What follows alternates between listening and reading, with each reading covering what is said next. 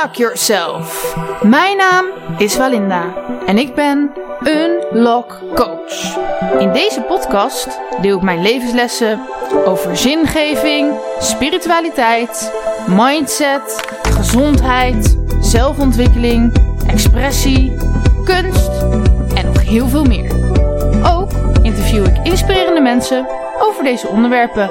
Dus luister je mee? En dan heb ik vandaag in mijn podcast Bart Siel. En ik hoor net dat ik een inspirerend mens ben. Blijkbaar. Wat fijn. Vind je dat zelf ook? Eh, nee, ik zou dat niet van mezelf zeggen, nee. Maar eh, het is altijd wel fijn als mijn muziek mensen kan inspireren. Dat is wel... Ja, eh, ja. is hey, de eerste vraag is altijd: wie ben je? Mijn naam is dus Bart. Mhm, En ik ben een muzikant mhm, in hart en nieren. mhm. Ehm, ik hou van natuur. En ehm, heel veel van fantasy Daar hou ik ook heel erg veel van. En dat zie je ook terug in mijn muziek. Ehm, dus dat is eigenlijk wel, eh, denk ik, een heel korte beknopte beschrijving van wie ik ben. En ehm, word je als muzikant geboren, zeg maar? Ah, wauw. Goeie vragen. Kijk, goed begin alweer. Dit zet de toon. Word je als muzikant geboren? Dat, ja, dat komt neer of, of je in het lot gelooft, Mhm. denk ik. Eh, ja. Nee, ik zou het niet weten eigenlijk. Ik denk wel, als je bijvoorbeeld, eh dus ook maar weer hoe je het bekijkt, maar als je ouders allemaal muzikaal zijn en zo, Ah. dan word je natuurlijk wel als muzikant geboren, bijna. Ah, dan is het makkelijker. Ik denk waar het om gaat is de eh, mogelijkheden die je krijgt. Mhm. Als je ouders openstaan voor alles, Mhm, dan kan je ook van alles proberen. En dan vind je ook makkelijker je draai. mhm. Ik moest bijvoorbeeld van mijn ouders op eh, sport of een instrument of scouting.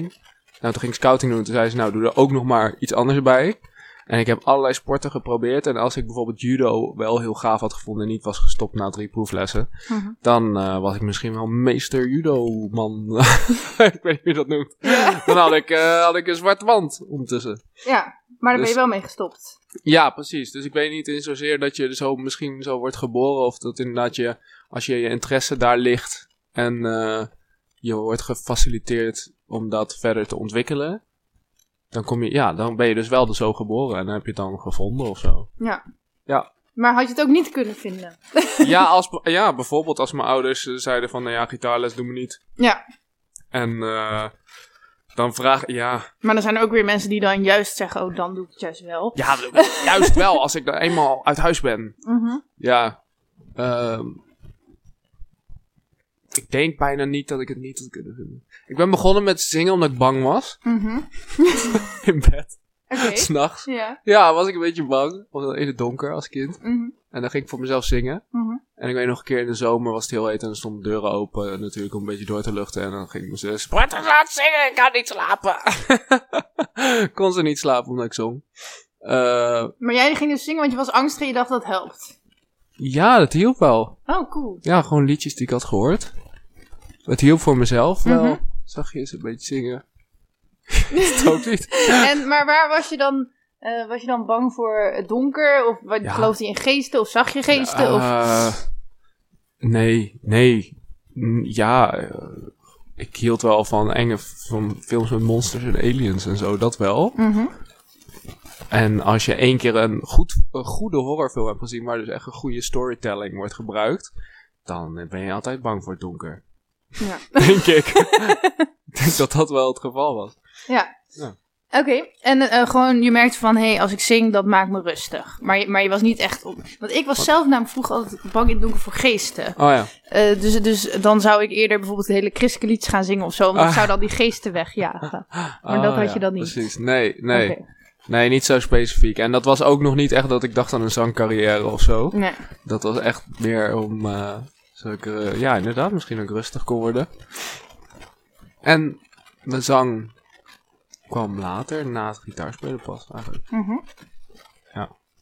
Want ehm, hoe oud was je toen je voor het eerst gitaar ging spelen? 16. Voor mijn 16e kreeg ik mijn gitaar. Oh, dat is eigenlijk best laat. Ja, eh, ja, weet niet. Ik, ik hoor veel van mensen die jonger beginnen, die stoppen Ja. dan omdat ze geforceerd op gitaarles moesten. Die stoppen en die krijgen er voor de rest van hun leven een hekel aan. Mhm. Dus eh, ik hoor toch vaker van mensen die later beginnen dat ze het wel langer volhouden. Dat ze dan toch zelf die keuze hebben gemaakt. Ja. Ja. Oké, en, en eh, dus je ging spelen en eh, op een gegeven moment ging je erbij zingen of Ja. hoe, hoe ging dat? Ja, ja ehm, ik denk dat iedereen het stiekem ook wel wil, ook al kunnen ze niet zingen, meezingen met de gitaar. En het is eng omdat je denkt dat mensen je horen, maar ik verwacht dat als eh, bijvoorbeeld mijn gitaarleerlingen, daar is er eentje van die gewoon meezingt. Zit ik in een band als zangeres. En sommigen die eh, durven nog niet echt mee te zingen. En ik denk als je die in een kamer zet en je zegt ze, niemand kun je horen, Mhm. dat ze dat toch wel doen. Dat is Mhm. toch iets van schaamte waardoor mensen het niet doen. Dus ik ben gewoon gaan meezingen, ook kon ik het niet. En toen ben ik ook eh, gaan zingen bij kampvuren met scouting. En ook al kon ik het niet. En gewoon doorgezet en nu kan ik het wel. Ja. Je leert het jezelf aan, ja. Ik heb Maar wanneer vond je dan dat je het opeens wel kon, zeg maar? Opeens reageerden Te mensen vroeg. van... Ik vond het te vroeg dat ik het kon. Ik was al veel te snel vol van mezelf. Ja. Het is heel leuk om nu filmpjes of eh, liedjes terug te luisteren van toen en te denken. En dan denk ik echt van, nou, wat een sukkel. Mhm. Want, en dat is ook wel weer goed. Als je cringe hebt, dat, is een bet- dat betekent dat je bent gegroeid, natuurlijk, als persoon. Dus dat is wel goed. Maar, eh, en ik vind nog steeds, nu vind ik niet, juist niet dat ik het heel, heel goed kan. Ik vind dat ik het kan. Maar ik zie zeker nog verbeterpunten eh, waar ik aan wil werken. Dus misschien over, eh, weet ik hoeveel jaar, kijk je weer terug en denk je, ha, wat een sukkel. nou, niet minder, want toen was ik arrogant. Oké, nu niet. nee. Nee, daar heb ik wel van geleerd en wel meer geduld weten te vinden. Mhm. Ehm, en ik denk zeker, ik ben dus nu professionele muzikant. dus Ik denk dat ik het kan. Maar juist, je hebt zeg maar die, die, eh, die lijn van onbewust onbekwaam naar bewust bekwaam. En ik zit nu op eh, bewust onbekwaam eigenlijk. Bewust onbekwaam, onbewust bekwaam. Ik denk dat ik daar ergens tussenin zit. Oké, leg Dus- nog even uit voor de mensen die niet Ah, weten ja, wat dat ja. betekent. Je begint dus bij onbewust onbekwaam. Mhm, Dan weet je niet dat je het niet kan. mhm. En dat was denk ik toen aan het begin dat ik dacht van, oh, dat zing ik toch mooi. Ik was totaal niet bewust dat het eigenlijk, eigenlijk helemaal niet zo Maar ik denk was. dat er ook genoeg mensen zijn die gewoon ook gelijk denken, ik kan het niet. Maar jij dacht wel, ik kan het. Ja, Oké. maar als je denkt, ik kan het niet, ja, dan ben je bewust onbekwaam. Ja, je zit, nou ja, dan Ja. ben je een stapje verder, dus dan heb je het door van, eh, ik kan het niet. Dus daar zat ik toen. Maar nu zit ik een beetje van, ik weet dat ik het kan op zich, dus dan heb ik bewust bekwaam deels. Maar Mhm. een stukje is ook nog dat ik het niet, dat ik er niet helemaal ben. Dat ik, ik heb nu ook nog weer zangles, wat heel goed werkt. En eerst dacht ik, ik, nou ja, mijn eerste instelling was altijd, ik moet gewoon kunnen. Anders is het niet authentiek en anders is het niet natuurlijk. Mhm. Maar wat nu mijn instelling is, is als je de techniek weet, dan kun je altijd nog kiezen om het niet te gebruiken. Maar dan ben je in ieder geval bewust bezig met wat je doet. Ja. Ehm, Maar, en uiteindelijk wil je dus bewust bekwaam ja, worden. dat is wat iedereen die iets wil kunnen leren, wil dat. Ja, want dan kan je gewoon alles doen zoals je het eigenlijk zou willen. Exact, Ja. ja. En dan kan je zelf insteken en eh, hoe je een richting insteken die, je- hoe je het zou willen aanpakken. Maar ook daarin, zelfs als je zeg maar een wereldster bent, zal het toch altijd nog wel... Dus altijd Je hebt toch nooit 100, ja, je hebt nooit Ja. 100% controle lijkt me, want dan ben je zo'n robot. Absoluut. En het mooie van muziek is dat er dus ontzettend veel stromingen zijn. Ja. Als je eenmaal ergens in je comfortzone zit, dan is het het moment om weer eens wat anders te doen. Ja. Oké, ehm, je hebt het eigenlijk al een beetje verklapt, denk ik. Maar mijn volgende vraag is: wat is jouw missie op deze aarde? Dat is eh, verhalen vertellen met muziek, echt. Ja, ik ga... Uiteindelijk wordt dit een fulltime baan. Absoluut. Daar heb ik 100% vertrouwen in. eh, want ik geef gewoon niet op totdat het zo is. Een soort van, make, eh, hoe heet dat ook alweer? Manifest Destiny. Mhm. is dat. Van zorg gewoon dat het gebeurt. En ik ben daar nou eh, 2,5 jaar mee bezig. En het gaat al veel beter dan ik had gehoopt. Eigenlijk. Want het was een 10 jaren plan. En ik werk nu nog maar twee dagen in de week. bij de kledingzaak. In plaats van. Ja, in plaats van dat ik een weekend heb, heb ik nu twee dagen werk. Vijf dagen weekend. Hoewel, in die vijf dagen ben ik dus heel veel met muziek bezig. En het is heel erg oppassen dat je dan niet. eh, dat je tijd. Dat je wel tijd vrijmaakt om echt niks te doen. Mhm, Want muziek vind ik heel leuk. mhm, Maar in de vorm hoe ik het nu doe, is het eigenlijk ook werk. mhm. En uh, daar kan ik wel eens in doorslaan. En dan kom ik achter, oh, ik heb drie weken lang eigenlijk geen dag voor mezelf gehad zonder iets. En normaal gesproken ga je vijf dagen werken en dan heb je twee dagen vrij. Mhm. Uh, dus dat ritme heb ik niet. Uh, Maar dat is alsnog wel mijn missie echt. Om uh, muziek te blijven maken, produceren, erop zetten, op eh, online zetten, zeg maar. En eh, hopelijk mensen te inspireren. En ehm, ik vind de kracht van muziek, dat, dat kan je heel erg lekker in jezelf, jeze- een beetje ja, jezelf ontdekken, maar ook echt in je eigen, het kan een soort schildje vormen, zeg maar. Ik vind het heerlijk om naar de, in de bus naar muziek te luisteren, want dan hoef ik, ben ik niet zo druk bezig met eh, ja, allemaal andere dingen. Mhm. En ik hoop eigenlijk dat mijn muziek dat ook kan gaan doen voor mensen. En wat voor verhalen. Want je wil dus verhalen vertellen, Ja. maar waarom wil je verhalen vertellen? Wat wil je met die verhalen vertellen? Wa- waarom moeten we jou horen? Ja.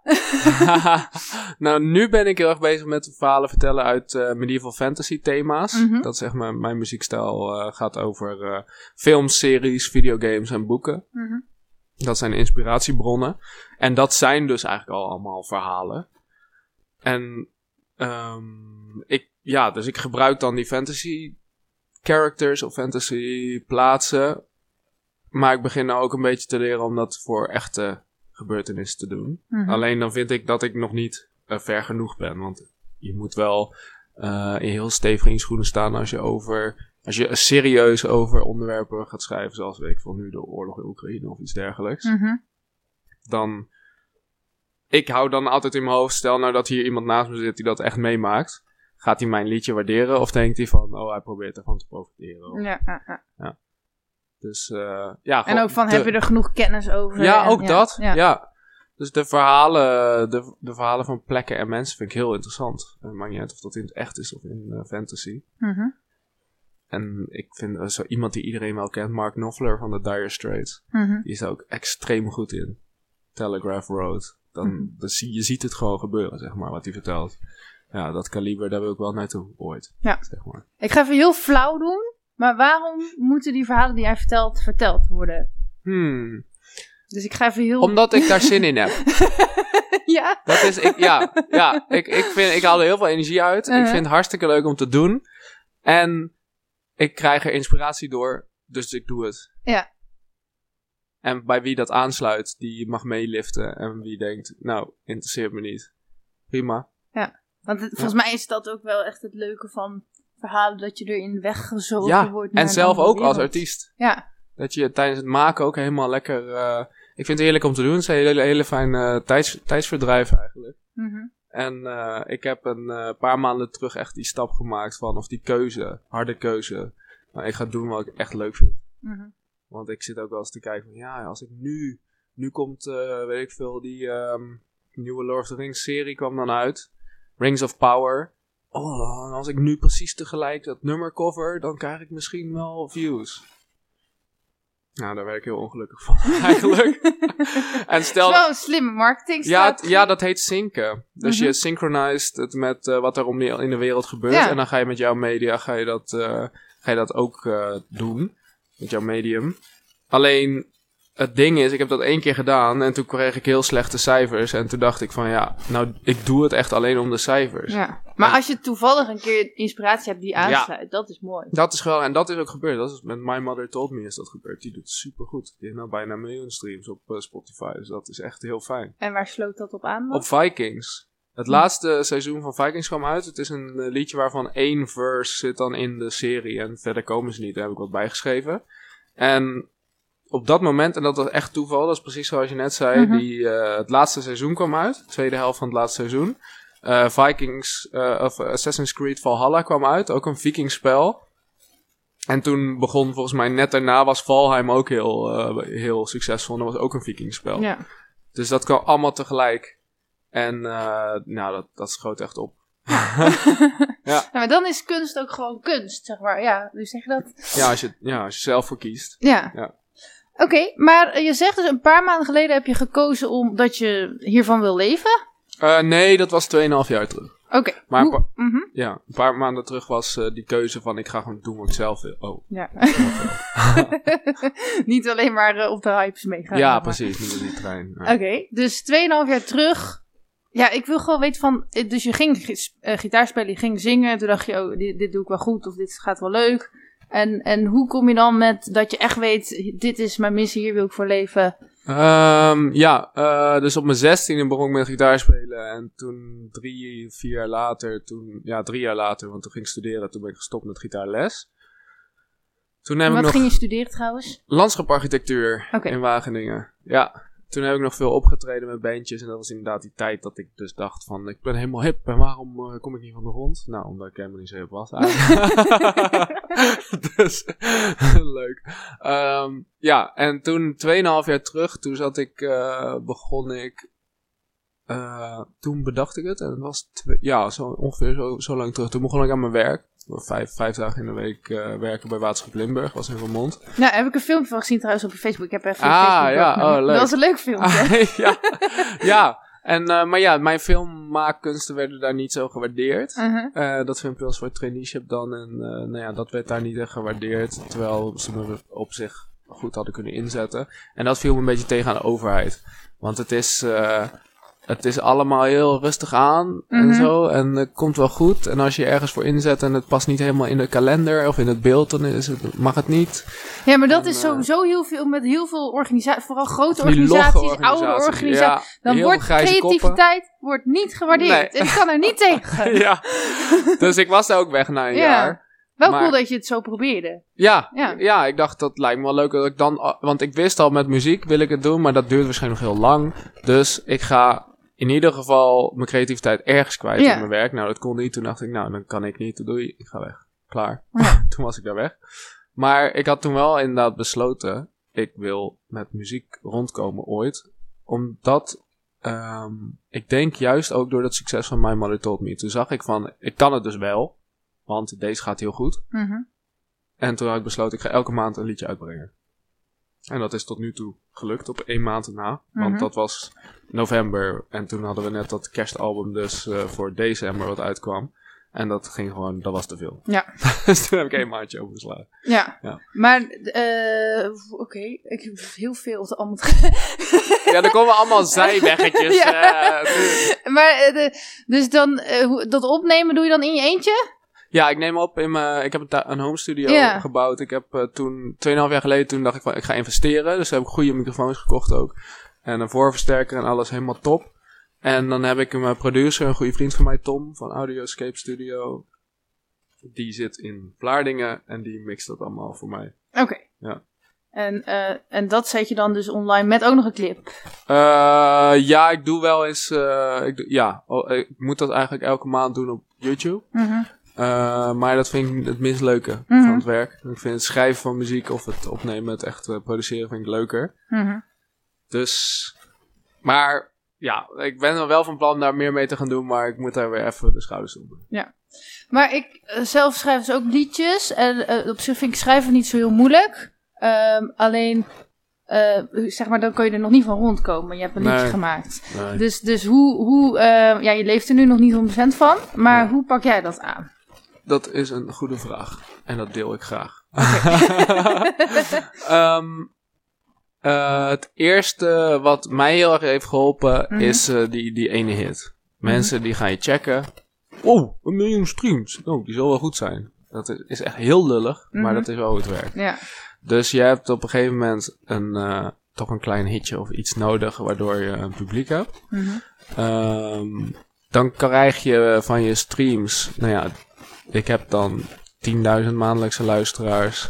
En dat staat ongeveer gelijk aan 200 euro. Mhm. Dus dat stelt nog helemaal niks voor. Je moet Nou echt ja. richten. Ik dacht dat je er minder mee zou verdienen dan Oké. zeg maar. Maar goed, ja. Dat is dus, eh, maar met wat is dat? Dat is, nou ja, 10.000 op Spotify heb ik. ja, maar en dan daar heb ik. krijg je dus 200 euro voor. Nee, niet alleen Spotify, want daar zit ook eh, Google bij, dus dat is YouTube. En Amazon en iTunes. Oh ja. En die hele band, alles bij elkaar. Ja. Dus, eh, maar Spotify is een beetje mijn, ehm, mijn pijler. Als, als het Mhm. goed gaat op Spotify, dan trekt de rest wel mee, zeg maar. Mhm. Ehm, ja, en, maar je moet dus echt richting de 100.000 wil je daar eh, wil je zeggen van, nou, dan stop ik wel met mijn baan. Mhm.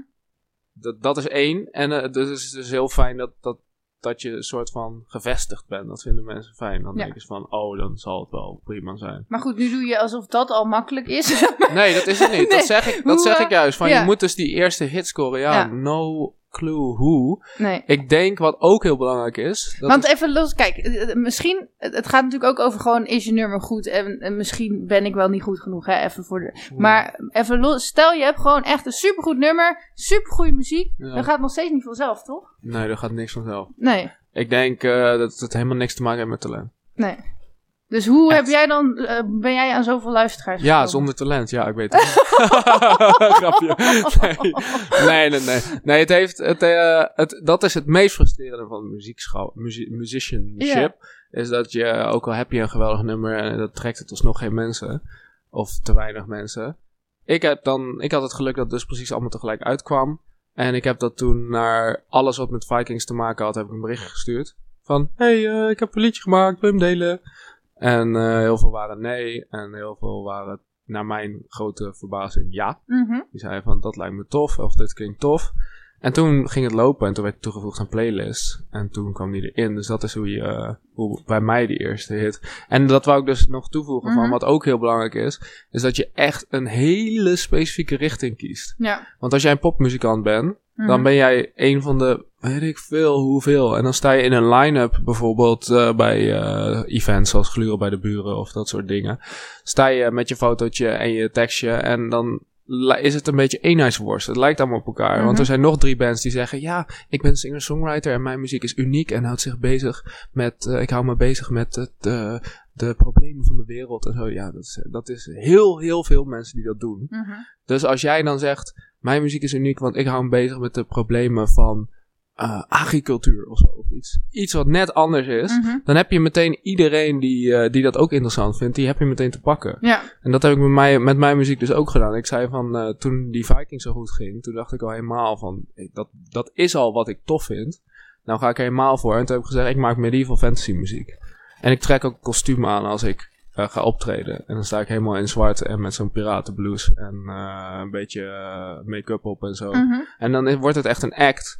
En dan wordt het ook een verhaal. Dan hebben mensen die naar je zijn geweest, die zeiden van ja, en dat is een soort, het lijkt wel alsof ik op de Efteling was of zo, weet ik Ja. veel, zoiets. Ja, ja, ja. Ehm, dat werkt heel goed. Dus als je dan, je kiest een richting en iedereen die dat ook een beetje leuk vindt, die heb je dan meteen te pakken.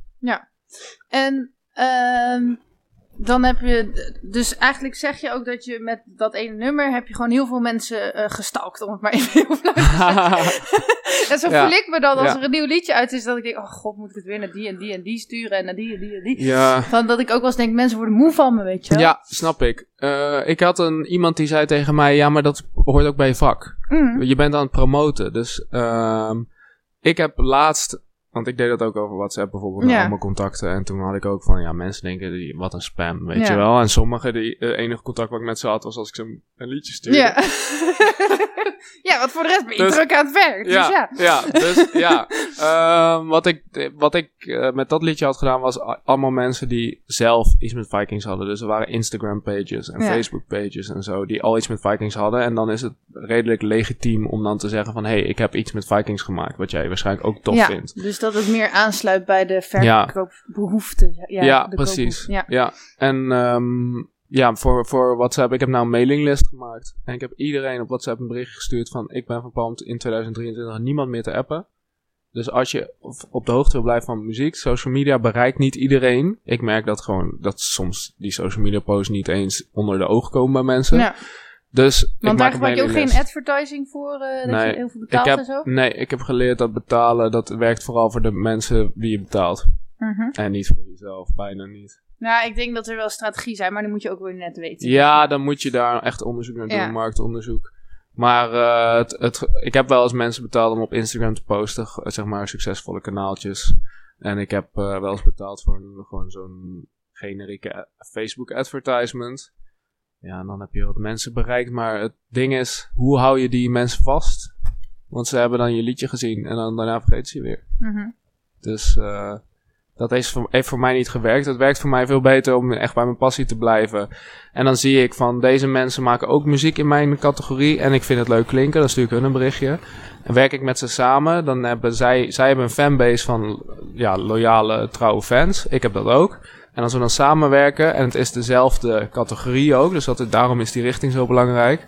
Dan merk je ineens van eh, die fans, oh, dat klinkt leuk, want dat lijkt op waar ik naar luister. Maar vaak zijn het dan vrouwen die zingen, ik ben dan een man, dus dan zeggen ze van, oh, dat is dan een mannenstem, vind ik ook wel leuk. En dan gaan ze mij volgen. Ja, En dan zijn ze meteen al veel meer, veel meer gebonden aan mijn product, mhm. bij wijze van spreken, Ja. dan een random Facebook advertentie voor mensen die fantasy op zich wel leuk vinden. Mhm. die, die krijgt onder ogen, ja. Oké, dus eigenlijk door heel veel mensen te benaderen is dan je nummer uiteindelijk heel hoog geworden, zeg maar. En Ja. omdat het gewoon een goed nummer was natuurlijk. Ja, dat, ja dat, dat is ook wel belangrijk. Ja. En hij is aan playlist eh, toegevoegd waarschijnlijk door heel veel mensen. En Ja. daarom blijft hij gedraaid worden. Dat is ook wel echt belangrijk. Ja. En, maar, en dan, want daar kan je dus nog steeds niet van leven. Nee. Nee, die eerste hit die kwam voor mij eigenlijk te vroeg. Want als jij een hit scoort, dan moet je een bibliotheek hebben. Je moet als mensen die hit, scoren, die hit zien, dan gaan ze naar je kanaal. En als er dan maar drie liedjes staan, dan gaan ze weer weg. Mhm. Als er heel veel liedjes staan, dan blijven ze misschien hangen, luisteren nog een paar liedjes. Nou, oké, ik volg hem wel. Misschien maakt hij nog iets. Want dan- zien ze ook, oh, dit is jouw richting. Hier, dit is de muziek die hij maakt. Oh, dat klinkt ongeveer zo, dat lijkt me vet. Dus dat was, eh, voor mij was het die, die hit eigenlijk net te vroeg. Eh, wel hartstikke leuk. Ik ben Mhm. er zeker dankbaar voor. Maar ik zit echt wel te wachten tot er weer een, nieuw, een nieuwe zo goed gaat, Ja, eigenlijk. ja. Want nou heb ik veel meer te bieden ook op mijn kanaal. Ja. Oké. En maar de- vanuit daar kwamen er dus wel optredens? Of ben je zelf Eh, actief mensen aan het benaderen om Dat was, ja, dat was allemaal coronatijd. Mhm. Dus dat was eh, aan de ene kant een blessing, want daardoor kon ik me heel erg inlezen en verdiepen in, eh, in de muziek en eh, het uitbrengen en kon ik daar goed aan werken. Aan de andere kant kon ik dus niet optreden. Ehm, toen eenmaal corona afgelopen was, eh toen heb ik visitekaartje laten printen en toen ben ik een website eh, gest- gestart. En die heb ik eh, vormgegeven over de afgelopen maanden en eh, steeds meer gepolijst, want ja, dat heeft gewoon tijd nodig. En nu heb ik dus een officiële site waar mijn tarieven op staan, waar mijn muziek op staat, waar eh, informatie over mij op staat, ehm, waar mijn agenda in staat. En ik heb visitekaartjes die daar allemaal naar linken en naar mijn socials linken enzovoort. Dus als er nu, toen ging ik inderdaad op zoek naar waar kan ik optreden. En was dus die eh, in Ede-Wageningen, eh, of in Astrand was het event Ede-Wageningen Ontspoort. Mhm. En dat was een soort talentenshow. En er stond ook, als je wint, dan kan je in het voorprogramma komen van een grote act. Of je kan eh studiotijd krijgen, dan mag je gratis in onze studio opnemen enzovoort. Mhm. En er deden echt hele eh, toffe mensen mee, wat je net zelf ook al eh, zei toen we net even thee aan het drinken waren. Mhm. van de, de mensen die daar naartoe komen zijn ook heel gaaf, naar strand. Dan zijn de mensen die daar zelf aan de slag zijn, die daar werken, zijn ook heel gaaf. Dus Ik echt- moet denk ik vragen of Astrand deze podcast wil sponsoren. Want ik heb nu echt al een paar afleveringen allemaal positieve verhalen over Nou, ja, ja, ja, dat zou je zeker moeten doen, ja. Ja. En, en, ze, en misschien Sander uitnodigen of zo. Ik denk dat hij ook hele goede verhalen Ja. heeft. Ja. Ja, maar dat, dat is hoe het, hoe, het begon eh, voor mij. Dat ik eh, mee ging doen aan dingen die toch al gebeurden. Gluren bij de buren bijvoorbeeld ook. Mhm. Dat gebeurt al. En het fijne van is dat ik spring gewoon... Ik ben heel erg buiten de boot. Ik spring eruit met mijn kostuum en eyeliner. En eh folk is wel rustig. Dus het is dan niet meteen metal. Dus dan voor mij, het werkt een beetje... Het is een, een, het is een mes wat aan twee kanten snijdt. Maar aan de ene kant is het niet goed dat hij snijdt, zeg maar. Want aan de ene kant eh, kan ik dus niet, word ik niet echt geboekt voor grote concerten of eh, dat soort dingen. Wat wel, me wel heel gaaf lijkt. Want dan zou een metalband meer voor geboekt worden. En aan de andere kant word ik juist wel geboekt voor kleine, intiemere settings. En dan zou een metalband weer niet kunnen. Dus je, door keuzes te maken vallen ook dingen af eigenlijk. Ja, maar dat is altijd in het leven. Ja, ja, dat is altijd. Je kan niet alles hebben. Vrijheid is de keuze in de beperking. Zoiets. Wow, kijk eens. Ja, en, ehm, daar, en daardoor ben ik eh, dus eerst gaan inschrijven op dat soort dingen. Aha.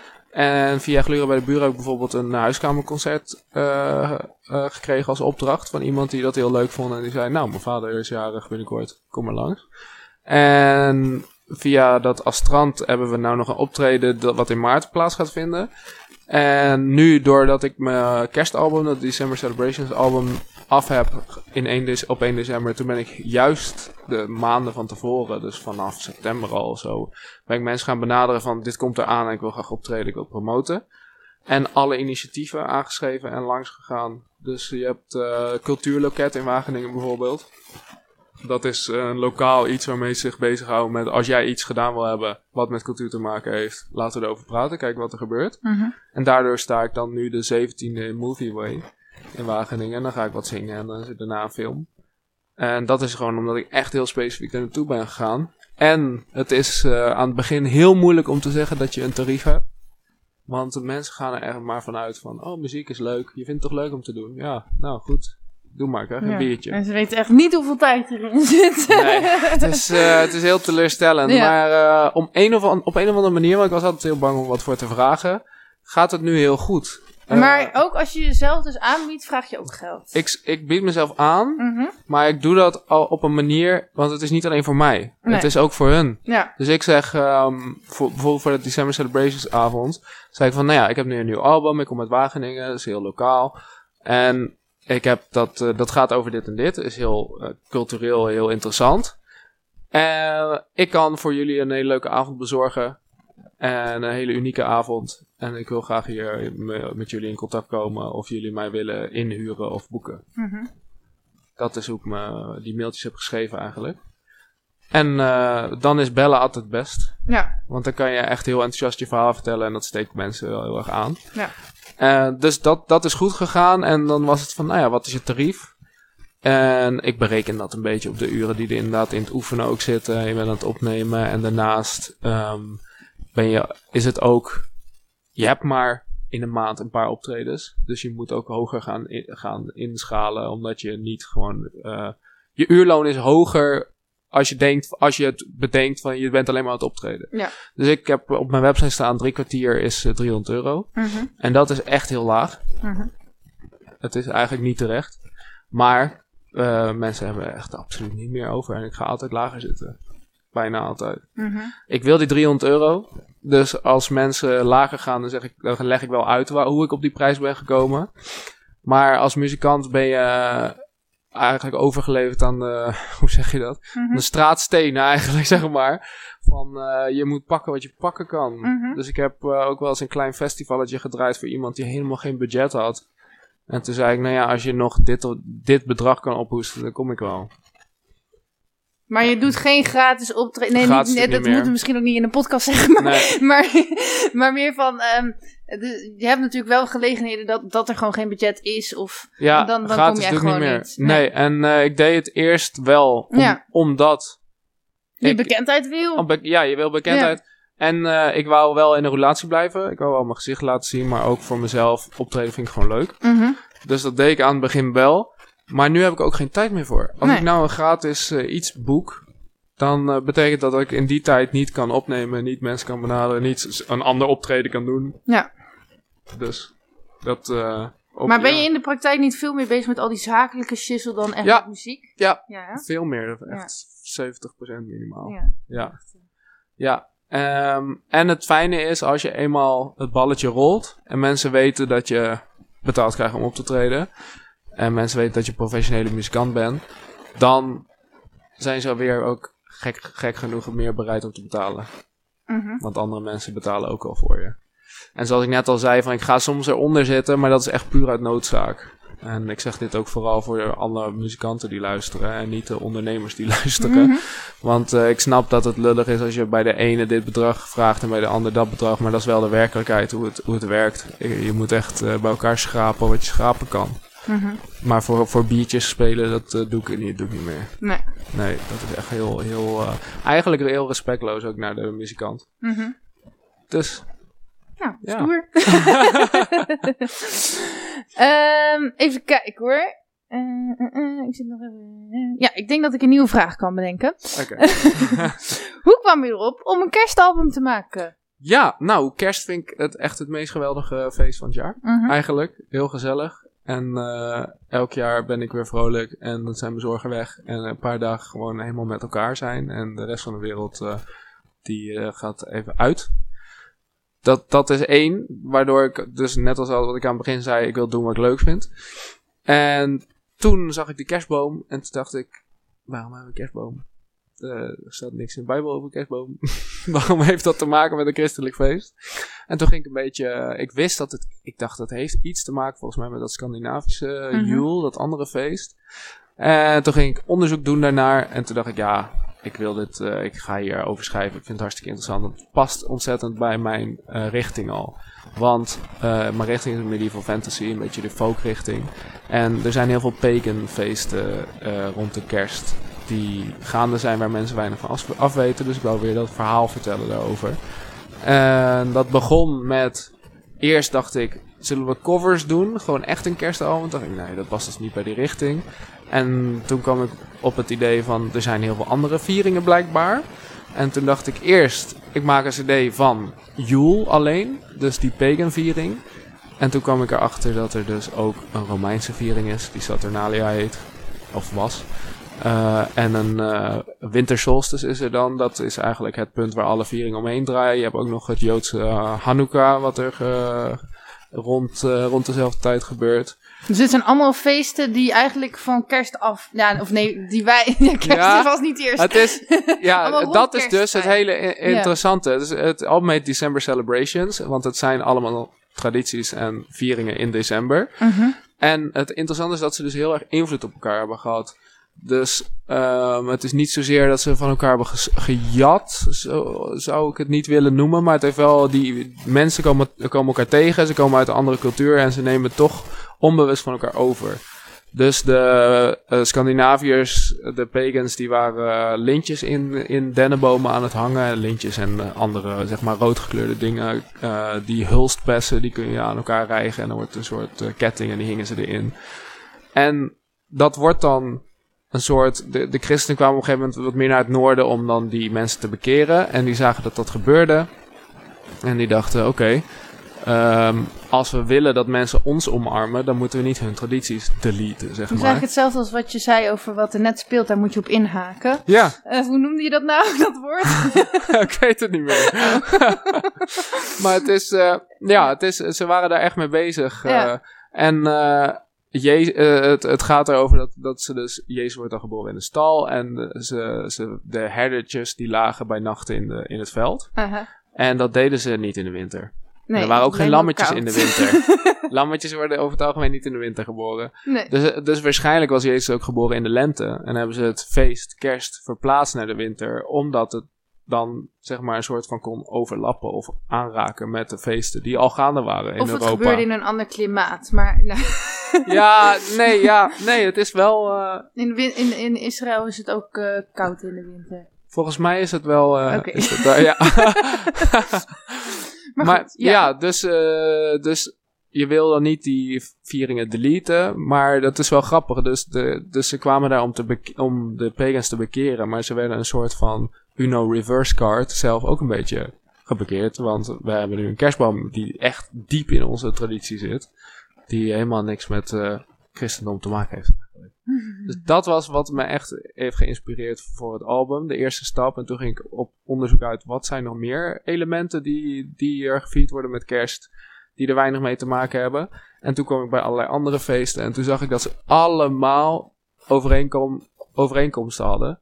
Dus allemaal is het het samenkomen. Dat is er één. Mm -hmm. uh, het, het eten en drinken is ook een heel groot onderdeel. Maar dat is bij de meeste feesten is het wel samenkomen en eten en drinken. Ook als het niet in december is. Uh, maar goed, Pasen, ja. ja. ik weet niet. Ja. Paaseieren eten. Paasei. Paasbrunchen. Ja. Maar goed, ga verder. Ja. Maar het was echt, echt het samenkomen rond, uh, rond, ja, rond uh, warm eten. En uh, het licht in de duisternis was ook echt een hele grote. Want het oudste feest is nog wel van de Winter Solstice. Want dat is, ja, zolang nog voordat de mens bestond, was er al een kortste dag en een langste dag. Uh -huh. En de Winter Solstice is dan de kortste dag en de langste nacht. En we hebben heel lang in de natuur dat geobserveerd en echt geleefd in het ritme van de natuur. Uh -huh. Van de seizoenen. En dat zijn de druïden die daar, die daar toch veel uh, nog mee deden. En nou zie je dat alle, bijna alle feesten ook op het album uh, dus alle feesten die ik heb gevonden, die vinden plaats rond de wintersolstice. En dat ging dus ook, de dagen worden langer. En uh, het licht komt dus, er komt meer licht. En dat zie je echt in alle feesten. Komt ja. dat terug. heel interessant. Maar en waarom denk je dat, ik denk zelf dan van, uh, mensen vonden het gewoon zo donker dat ze gewoon allemaal bedenken van we moeten een lichtjesfeest hebben of zo. Zou dat de reden zijn? Of wat heb jij voor idee dat dat, dat zo Ja, ik, ik denk dat voordat, er deze, voordat deze vieringen er waren, mm -hmm. uh, was december wel echt een hele vreselijke maand. ja, maar misschien is er gewoon altijd al feest geweest. Uh, nou ja, de winter solstice werd sowieso altijd al gevierd. En ja. dat was de kortste dag. Maar ik denk inderdaad juist omdat het zo deprimerend was. Ja. En je moet toch iets hebben om, om naartoe te leven, ook in de wintertijd. En ook in de wintertijd, juist in de wintertijd, want dan heb je dus als eh, boer of als jager ook veel minder te doen. Mhm. Want je hebt al je crops al binnen en eh, het is een beetje afwachten tot je weer mag gaan zaaien. Ja. Dus dan is het wel het ideale moment om, een, eh, om, om feesten te houden en ook even te genieten. Want je, je bent al vaak waarschijnlijk weinig aan het eten, omdat je moet uitkijken dat je nog wel genoeg hebt. En dan als je dan één of twee dagen wat meer kan eten, dan is dat ook wel heel echt een geweldig iets. Tegenwoordig schijnt dat we de grootste dip hebben in februari qua depressies en zo. Oh ja, Dus ja. misschien moeten we dan nog een februarifeest gaan organiseren. Valentijnsdag. ja, en dat 14 dan heel groot. Ja, dag van de liefde. maar goed, d- dus dat onderzoek heb je dan gewoon online gedaan? Of Ja. hoe? Oké. ja, En toen kwam je dus achter al die feesten en al die tradities en al die culturen. En dat is dan wereldwijd. eh, Europa Eigenlijk. Ja, ja ik, want er waren ook nog wel dingen, maar die vond ik te weinig aansluiten weer bij, mij, bij de richting die ik heb en eh, Ja, bij wat mensen kennen. ja. ja, en ik heb wel ook mensen echt gesproken. Dus bijvoorbeeld de cellist in Light the Yule Log, die is via het zelf ook gewoon Yule. Die komt uit Zweden. Mhm.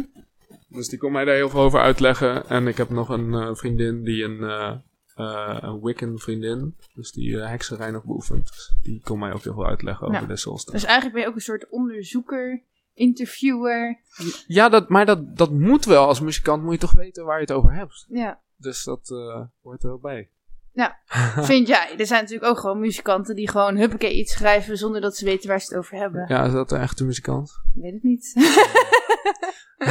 denk jij dat er veel studie... Nou, ja, nee, is ik, denk, Ja? ik, ik denk dat je dat hoort. Ik vind een muzikant vind ik echt goed als het authentiek is. Mhm. En eh, ik zet het meteen uit. Ik krijg er meteen echt, echt eh, allergie van als ik hoor hoe nep iets is. Ja. Als iemand, eh, ik vind dat hoe je je tekst brengt, Mhm. je performance is bijna nog belangrijker dan of je zuiver zingt. Ja, ja oké, maar iets belangrijk. kunnen brengen is weer wat anders dan een heel diep onderzoek hebben gedaan. Ja, maar hoe kan je iets goed brengen als je niet weet waar het over gaat? Ja. Hoe kan je het geloofwaardig eh, overbrengen naar de luisteraar? Mhm.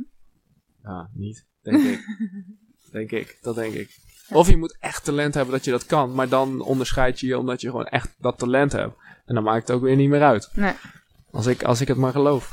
Nou, in ieder geval, ik denk wel dat, dat heel veel mensen onderschatten hoe, hoe, hoe groot het proces wat vooraf gaat Ja. aan muziek maken. zeg Ja, maar. en het opnemen zelf ook. Mhm. Ja, dat is echt. eh, er zitten zoveel takken aan voordat je een echt goede.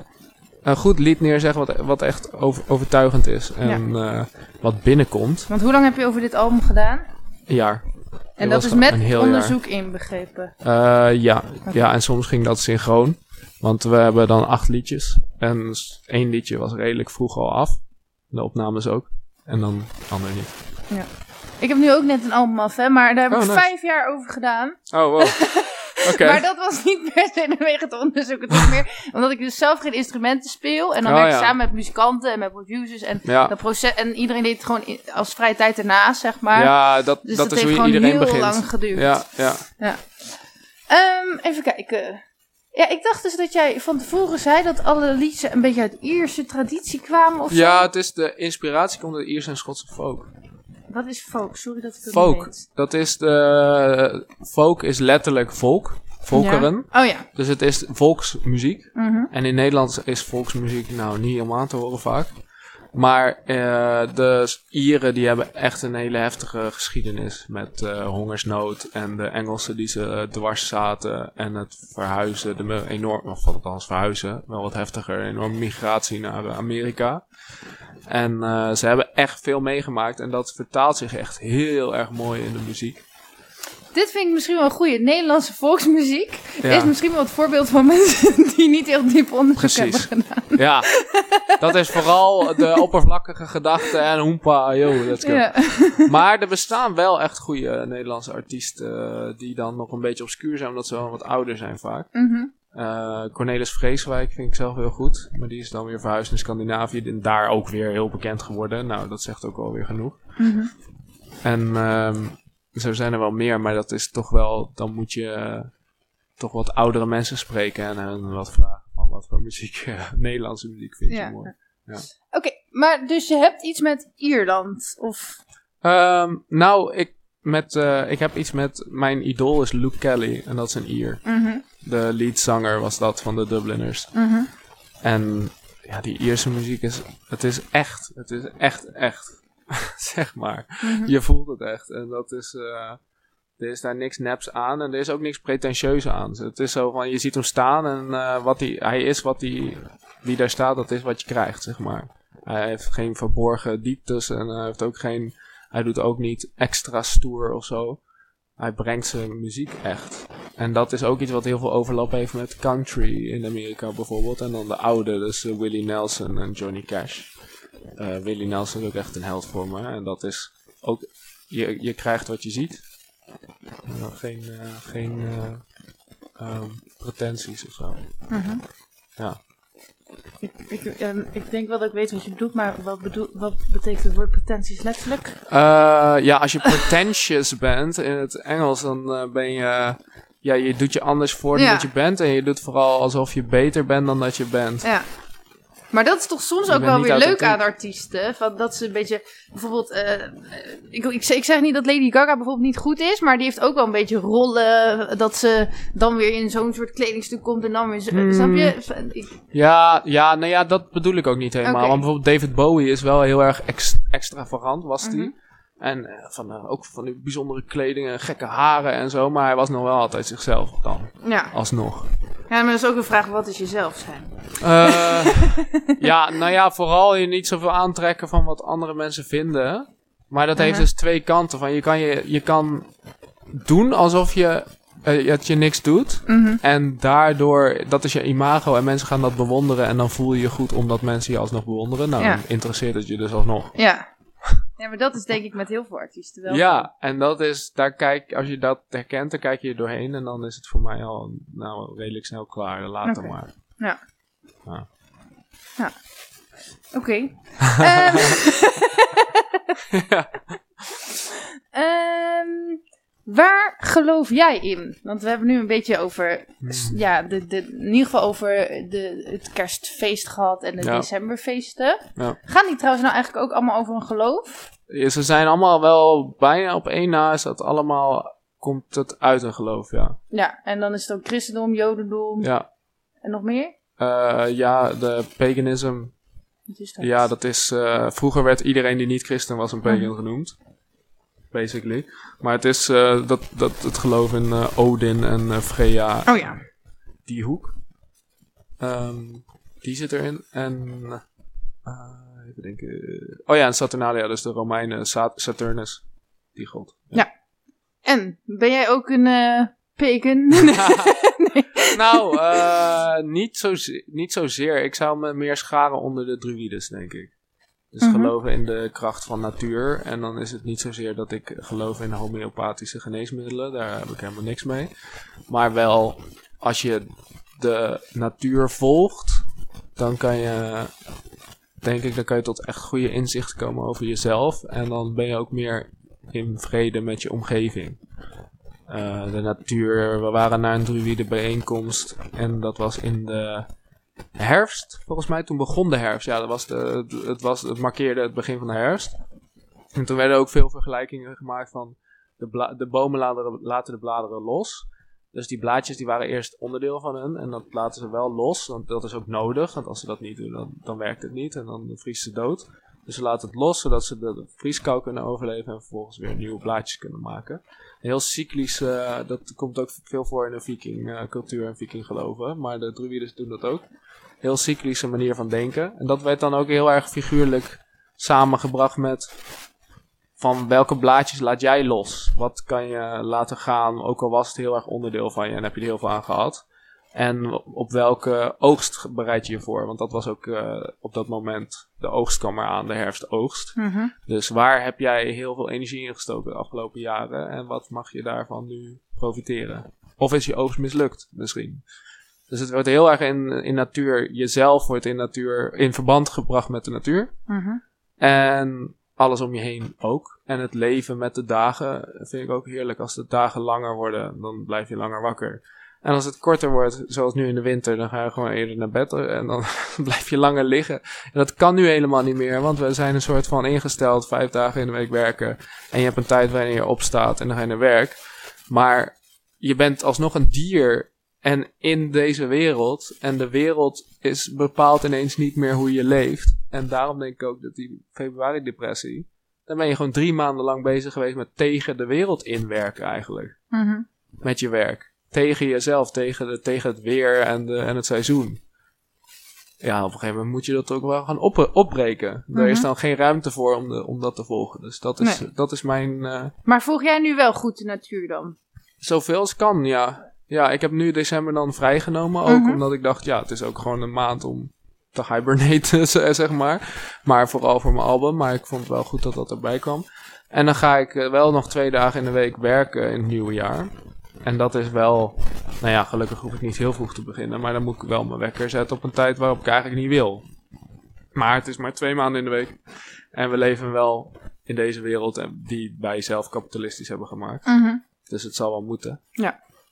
Maar verder, eh, zoveel mogelijk wel. En eh, ik zou meer willen. We, we zitten in een appartement. We hebben het huis helemaal vol met planten. En op het balkon ook planten. Eh, het liefst zou ik in een huis wonen met een tuin. En dat je daar echt mee aan de slag kan. Mhm. Ja, en, maar de natuur gaat natuurlijk ook best wel langzaam of zo. Of tenminste, ook weer niet. Want als je dan weer terugkijkt, denk je, wow, eh, vorige, een paar maanden geleden was het nog zomer, zeg maar. Ja, Maar het, gaat er niet, het heeft bijna nooit haast, laten we het zo ja, zeggen. ja.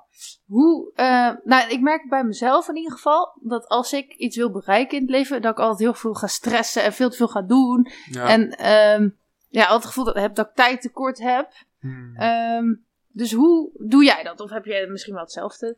Niet meer. Nee. Nee. hoe doe je dat? ja, eh, ik zet wel deadlines. Ja. Want dat werkt goed voor de productiviteit. En als je een liedje per maand wil maken, dan is dat ook wel nodig. Ja. Ehm, maar dat, juist daardoor heb ik tijd. Ja. Want ik kan dan zeggen tegen de artiest van voor de zevende moet je het af hebben. En als het niet lukt, dan lukt het niet. Kijk, als je het af hebt en het klinkt nergens naar, dan doen we het dan een maandje later we over. Ja. En ik heb ook meerdere projecten tegelijk. Dat is ook heel fijn. Dus als iemand uitvalt, dan heb ik nog gewoon een liedje staan. Die kan ik dan naar voren schuiven. Ehm, dus dat is een beetje tijdmanagement. Mhm. Maar juist als je echt met de natuur meeleeft, dan heb je geen stress nodig. Nee. Bijna niet. Nee, want stress ik. heeft ook een functie in de natuur, maar die is meer voor af en Maar toe. niet zeg op dit niveau. Nee. Niet op dit niveau. nee. Het is eh, dat wij eh, gewoon een, meerdere dagen... Bijvoorbeeld mijn vriendin is nu bezig met haar eh, scriptie. Ja. En die moet af over één dag. Ja. Die heeft echt, die heeft het echt heel zwaar. ja. En ik herken dat ook. Ik heb dat zelf ook gehad. Dat Ja. ik echt gewoon kon uitbarsten in huilen, weet ik wat allemaal. En dat is dan allemaal men- een mentaal spel Ja. wat je speelt. Mhm. Of wat er met je wordt gespeeld. Ja. En eh, als je echt de, het, je eigen leven in de hand hebt. En je, hebt, eh, je mag zelf kiezen hoe je dingen doet. Dan zoek je dat nooit op. Nee. Maar het is wel Dat lastig. zegt Ja, voor mij heel veel. Mhm. ja, ik vind dat wel lastig, maar dat is meer. Ik heb ook echt meerdere burn-outs gehad. En dan op een Ja. gegeven moment is je zenuwstelsel zo overgevoelig. dat je Ja, ook dat nog. Dan kan je veel minder, Ja. veel minder hebben. Ja. Ja, maar ik denk dat er een heel groot deel daarvan is afhankelijk van dat je... eh, We leven in een wereld waar je geld nodig hebt, Mhm. sowieso. Ja. En dat geld ga je krijgen door dingen voor een andere persoon te doen. Mhm. En dat, eh, daar wil ik zoveel mogelijk van af. Ja. Daarom werk ik ook in een kledingzaak. Dan sta ik zo ver dat ik doe mijn taken. En mijn manager is hartstikke fijn. Dus als ik wat meer moet doen, dan kan ze het zeggen. En anders doe ik gewoon, gewoon goed mijn best. Ik doe gewoon goed mijn taken. En dan ga ik naar huis en is het ook klaar. Ja. Voorheen deed ik werk, en zeker met studio ook. Dan ga je naar huis en het is nog niet klaar. Dan mag je nog eh, achter een computer, of dan mag je nog dit of dat doen. En je doet het voor iemand elk uur wat jij werkt. Zeker met hovenierswerk was dat heel erg. Toen zag ik staan in de offerte van, oh, ze betalen 30 euro per man. Ik krijg een tientje. Gaat 20 euro naar jou. Ja, ja, maar dan moet ook gereedschap eh, herstellen en benzine betalen. Ja, dan blijft er wel 5 tot 10 euro over. Jij doet helemaal, jij doet niks. Ik, ik sta te schoffelen, jij doet niks. Jij krijgt 5 tot 10 euro. En dat is een beetje het systeem bij heel veel eh, bedrijven. Mhm. Ik vind dat echt, ik ben wel een beetje communistisch wat dat betreft. Ik vind dat echt belachelijk. Ja, maar aan de andere kant, nu ben je natuurlijk ook zelf een beetje aan het ondernemen. Ja. En, en dan, als je nu iemand eh, iets voor je wil laten doen, wil je dat ook weer zo goedkoop mogelijk Ik- natuurlijk. Wil, nou ja, het gaat niet om goedkoop mogelijk. Het gaat erom dat ze zoveel mogelijk winst willen draaien. Ja. En eh, ze kunnen makkelijk eh, de, loon omhoog gooien en dan zelf wat minder winst draaien. En dan kunnen ze alsnog het bedrijf draaiende houden met een potje voor reserve voor stel er breekt een covid uit of iets dergelijks. Denk, dat geloof ik echt. En eh, ik merk ook dat als mensen meer te besteden hebben, gaan ze het ook meer besteden. Het is heel moeilijk om in je oude schild te blijven. Je gaat je lifestyle aanpassen, een grotere auto kopen, weet ik wat allemaal. Als je kan stilstaan, maar heb ik dit nodig? Moet dit echt? Kan je misschien heel veel geld overhouden. Mhm. En het idee ook, eh, het goede van zuinig zijn, het doel van zuinig zijn, is dat je meer kan geven Mhm. aan andere mensen.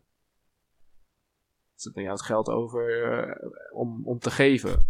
Dat is in mijn hoofd in ieder geval. Ja, misschien een Ja. beetje idealistisch. Nee, zeg Ja, het is, ja, Ja. dat is het zeker. Deze wereld gebeurt dat helemaal niet. En Nee. stel dat ik een, manage, een eh, manager nodig heb of een boekhouder of zo, dan wil ik eh kiet draaien en een klein beetje overhouden op zich. Maar ik hoef echt niet 50% van zijn loon in, in mijn eigen zak. Mhm. Uit, uit zijn activiteit. Zijn of haar activiteiten. Maar ja, aan de andere kant, als je dus wel ehm, ja, heel veel winst draait, dan kan je ook weer met die winst eh, die, dat weer in je bedrijf stoppen of Ja. het, de wereld mooier maken, zeg maar. Ja, ja, maar die stap vergeten heel veel mensen. Ja. Want ik werk dan voor een, eh, voor een kledingwinkel. En een kledingwinkel heeft dan meerdere filialen. Stel een stuk of 90 of zo. En wat doet hij dan? Ah, eh, en dan nog een filiaal openen. Of whatever. En wat doet hij dan met dat geld? Gaat hij inderdaad door broeken te verkopen de wereld echt mooier maken? Hmm, ik weet het niet. Nou, we zijn goed bezig, want we hergebruiken het katoen. Oké, goed. Ja, oké. maar het is niet heel normaal dat een bedrijf een standaard eh, stichting heeft. Mhm. Dat ze zelf een stichting hebben en met deze stichting gaan we zorgen dat we achterstandswijken opknappen of whatever. Mhm. Heel veel bedrijven doen prima. Het is jouw. Het ding is vooral, als het jouw geld is, mag je zelf bedenken wat je ermee doet. Mhm. Dus ja, ik heb het toch zelf verdiend. En dan vervolgens sta je ook nog de helft zo'n beetje af aan de belasting. Mhm. Want je inkomen sta je af. En als je wat wil kopen, betaal je belasting. En als je eenmaal genoeg geld op je rekening hebt, betaal je gewoon belasting over het hebben van geld. Dus dat gaat er ook allemaal weer vanaf. Ja. We gaan een heel zijspoor op. nou, ik zat even van, wat kan ik hier nog over zeggen? Ja. Ik ga even- maar, nee, maar ik vond het niet saai. ik, eh, Ik vond het best interessant hoor. Ehm, maar je gelooft dus in de natuur. Ja, maar ja, geloof je nog in een. ehm, nou ja, de- je zou het God kunnen noemen, of in ieder geval iets groter, zeg maar. ehm, eh, ja, dat is groter. De natuur wordt heel veel gezien als plantjes en, en beestjes Mhm. en zo. Maar het is al groter op zich. Er is ook een stroming die gelooft in dat eh, mycelium network. Dus al die paddenstoelen, al die schimmels die met elkaar verbonden staan, in, ver- in verbinding staan. Eh, en als je ergens daar een boom omhakt, dat je aan de andere kant van het bos voelt, voelt bij wijze van spreken, het, eh, dat schimmelnetwerk voelt dat. En, en dat vind ik ook heel interessant, want als er een boom groeit van de nutriënten die die uit dat netwerk krijgt, maar als die boom dan weer sterft, dan neemt dat netwerk van schimmels dat, die nutriënten weer op. En die voeden dan weer een andere boom die weer groeit. Dat zou je ook kunnen zien als een geboorte van een boom die sterft. En die boom, die ziel of whatever, de, waar die boom van is gemaakt, dat wordt weer. een- Dus het is heel cyclisch. Het is, en dat is met mensen ook. We, gaan, we zijn natuur. Mhm. We zijn, wat zou ik zeggen, van in, in het christendom zeggen ze toch ook wel ashes to ashes en dust to dust. Mhm. Dus uiteindelijk, we komen daaruit en we komen, gaan ook weer terug Dat het systeem betekent in. van eh, tot stof zult gij wederkeren, Ja. toch? Ja. Ja, exact. ja. Eh, dus op zich, als iemand overlijdt, dan geloof ik best als je in de natuur loopt, eh, dat je een soort van. Als je ineens een herinnering aan die persoon hebt, dat dat toch een verbinding is met wat er om je heen is. Mm. Heel- Maar, en geloof je dan ook ehm, dat dingen voorbestemd zijn, zeg maar? Ja, dat vond ik moeilijk. Dat is er net ook al van ben je geboren als Ja. muzikant. We hadden het ook over het lot. Ehm, dat weet ik niet. Oké. Want je, ergens geloof je ook wel heel erg in maakbaarheid. Van, Heel erg, ja, ja. absoluut. Ja, dat geloof ik echt. Als je ergens je zinnen opzet en je, zet, je geeft daar je e- energie volgt, je energie, je, ja, energie volgt energie, zeg maar. Ja. Dus als je daar energie in stopt, dan gaat daar iets uitkomen. Maar stel nou dat het dan niet precies is zoals jij het wi- wilde, zeg maar. Dus, dus alle nummers die je tot nu toe allemaal gaat maken, die gaan toch niet helemaal lekker, zeg maar. Mhm. Eh, en en eh, niemand wil meer naar je muziek luisteren. Sorry dat ik even... Ja, nee, dat dus is... jij blijft erin geloven, jij gaat er helemaal voor, maar gewoon in de praktijk lukt het niet. Ja, Is dat dan niet heel zwaar ehm, dat het allemaal jouw verantwoordelijkheid was? Zeg maar? ik geloof niet dat het in de praktijk niet lukt. Nee, dat is in ieder geval fijn dat je ik ben, ja, ik ben echt van dat Manifest Destiny eh, Uh-huh. verhaal. Want als jij zoveel tijd in je muziek steekt en je merkt dat, niet, dat het niet lekker loopt, Mhm. dan ga jij kijken waarom dan? Waarom loopt het niet zo lekker? Laat ik eens wat anders proberen. Of nou ja, stel je wil echt niks anders proberen. Je wil alleen maar muziek schrijven over muizen en, en je wilt nooit over iets anders hebben, alleen maar muizen. Dan ga je op een gegeven moment op zoek van eh, waar zitten dan die mensen die van muizen houden? Zoiets. Ja. Je, gaat op, een- je gaat op een of andere manier zorgen dat het werkt. Ja, Anders neem je jezelf niet serieus genoeg. Ben je niet serieus genoeg bezig met het plan, dan steek je dus niet genoeg energie. oké, laat ik dan een ander voorbeeld geven van mezelf. Mhm. Ik schrijf ook liedjes, Ja, maar ik, eh, wat ik al zei, ik heb meerdere burn-outs gehad en Ja. ook heel veel gezondheidsklachten. ja, Eh, dus op een gegeven moment kon ik alleen maar in mijn bed liggen en niks meer. Ja, Terwijl je eigenlijk dus je album af wilde hebben en eh, Mhm. overal wilde gaan optreden. ja. Ehm, ja, zeg je dan ook, ik, ik, ga, ik word niet boos als je ja zegt hoor, maar heb ik mijn ziekte dan zelf eh, zo eh, gemanifesteerd, zeg maar? Of snap je? Want dan ga je ook denken van, shit, ik, eh, wat heb ik nou verkeerd gedaan, weet je wel? Nee, heb je niet. Oké. Maar ik bedoel dus, er zijn, ehm, Je kreeg een burn-out van het werken in muziek? nee, van dat ik ook geld moest verdienen. Van- ja, oké. dus ja. niet van het volgen van mijn passie, Ja. maar wel eh, om daarnaast nog Snap te ik. werken, zeg Snap maar. ik heel goed. Ehm, wat was het vraag? Eh, nou, dus het gaat niet per se om mij, alleen ik neem, neem Nee, maar ik vind het een goed voorbeeld. voorbeeld. Ja. Eh, van, het kan wel dat, dat jij opeens ziek wordt, of Ja. dat er, weet ik veel, er gebeurt iets anders heftigs. ja, dat is ook gebeurd. Ja. Ehm, dan lig je er even uit. maar dan nog steeds denk jij van, eh, dat je het gaat maken in de muziek, zeg maar.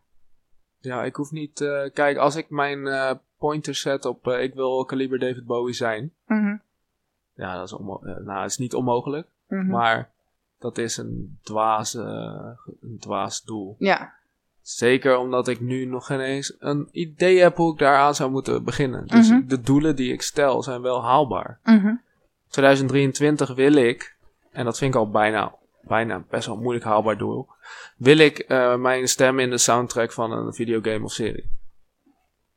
Dat wil ik bereiken. Dan ga ik daar een jaar aan besteden. Ik denk dat geduld ook echt een keyword mhm, is hier. mhm, absoluut. Eh, dan ga ik daar een jaar aan besteden. Ik heb nu al composers benaderd. En eh, je netwerk gaat je ook ondersteunen. Want je, door dingen te doen, breid je Mhm. je netwerk uit en breid je je mogelijkheden uit. En op een gegeven moment ga, is dat sneeuwbaleffect begint. Ja. Dan gaan mensen jou opbellen van... Hey, wil je niet hier optreden? In plaats van dat je zelf op zoek gaat. Ehm, en dat heb je allemaal niet in de hand. Nee. En dus als je ook als je in een burn-out raakt of je, er gebeurt iets heftigs, eh, je valt van een berg af eh, Mhm. en je moet herstellen. Oh, ja, tenzij het doodgaat, dan is het wel over. Maar niet uit. Eh, Ehm, zou ik nog een doekje er, pakken? ligt, er ligt een beetje thee. nee, Het maar dat het geen koffie is. ja, ja. maar dan, ja, dan, is het, dan is het even stil. En dan, en dan hoort de wereld even geen muziek, want dan ben je even met jezelf bezig. Ja.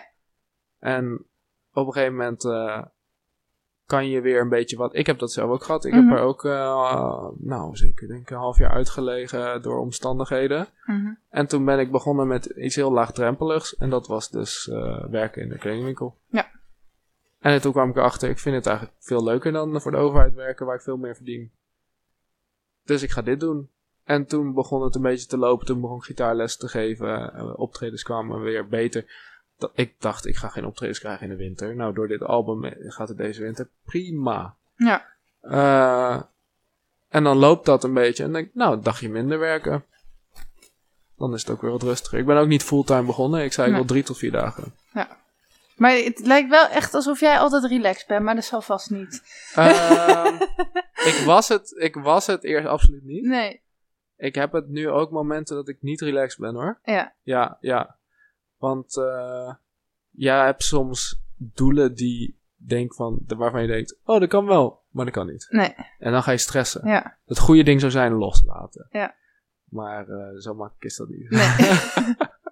Ja, dus zodra je zeg maar doelen hebt, eh, heb je ook een soort van verwachting of druk. En, Ja. en dat is wel het irritante aan ambitieus zijn. Maar als je het weer Ja. helemaal niet bent, ja, dan gebeurt er ook niks. Ja, ja precies. nee, je hebt het goed samengevat. Ja, toch? Ehm, ja, nee, genoeg daarover, denk ik. Mm, mm, mm. Nou, is, is er nog iets wat je over het album zelf qua liedjes wil vertellen? Van dit liedje gaat daarover, in dit Hmm. liedje zit deze boodschap. Ik kan heel lang praten erover, dus ik ga... We hebben nog, ehm, kijk, mijn podcast, heel veel mensen vinden hem veel te lang. Maar ik vind het leuk om anderhalf uur te laten duren. Oh joh. Geen idee of mensen dat helemaal gaan afluisteren, Ja, maar maakt mij niet uit. Nee, soms zit je in de auto en denk je, wat zet ik eens aan? Ja. En dan eh, komt eh, wel in de podcast langs. Maar we hebben nog een half uur dus. Zo. Maar je Eh, mag ook eerder stoppen, hè, als je Ja, klaar nee, bent. het is meer... Oh, oké. Nee, wat ik zei van, ik kan er heel lang over praten. Omdat ik, weet, ik heb, ja, die liedjes schrijf je en er zit veel meer achter dan wat je in die tekst kwijt kan. Ja. Mm. Ehm. Ja, die tradities, er zijn heel veel, heel veel mooie tradities wat er allemaal gebeurt. Het, ik denk het belangrijkste van het album is dat ik wil dat het echt een kerstgevoel geeft. Mhm. Eh, dus sommige liedjes zijn net wat minder kerstig, omdat ik dat, dat toch niet kwijt kon. Maar ik had een bepaalde sfeer voor ogen van kalm, rustige kerstmuziek. En één liedje daarvan is echt, dat, dat is wel weer een beetje uit mijn normale richting. Maar ik dacht, dat moet er wel in. Dat is een super Amerikaans stijl popliedje. Dus zo'n Amerikaans kerstlied. En toen ging ik ook opzoeken, hoe schrijf je een kerstlied? Of wat zit er in een kerstlied? Want het, het, ik had echt het idee, dat is een formule. Mhm. Dat is een, eh, een soort recept. Mhm. en als je alles in hebt, dan is het een kerstlied. Mhm. En dat bleek ook zo te zijn. Oké. Wat is Dus- het recept van een kerstlied? Precies. Eh, de titelsong van December Celebrations, dat is dus December Celebrations. eh, die, dat is het kerstlied. ja, En in een, een kerstlied, dat moet upbeat zijn. ja. Dus het- vrolijk. vrolijk zijn. Vrolijk en lekker. eh, ja, precies. Je Ja? hebt wel Oh, ik zit te dansen, alleen niemand kan het zien. Maar goed, ja. Ja, dat is één. Eh Uh-huh. Vier kwarts maat. Uh-huh. Dat is twee, want anders wordt het een walsje met drie kwarts en eh, vier kwart wordt gewoon veel gebruikt. Een aantal beats per minute. Iedereen goed luisteren, zo kan je een kersthit maken. Ja? Ja, ja, dat is, nee, ja, maar dat is net als die zomerhits. Die dan, Uh-huh. nou ja, anyway. Dus een aantal beats per minute, ik weet niet meer precies hoeveel, maar dat was ook, lag ook redelijk hoog, want het was upbeat en eh, lekker, eh, lekker vrolijk.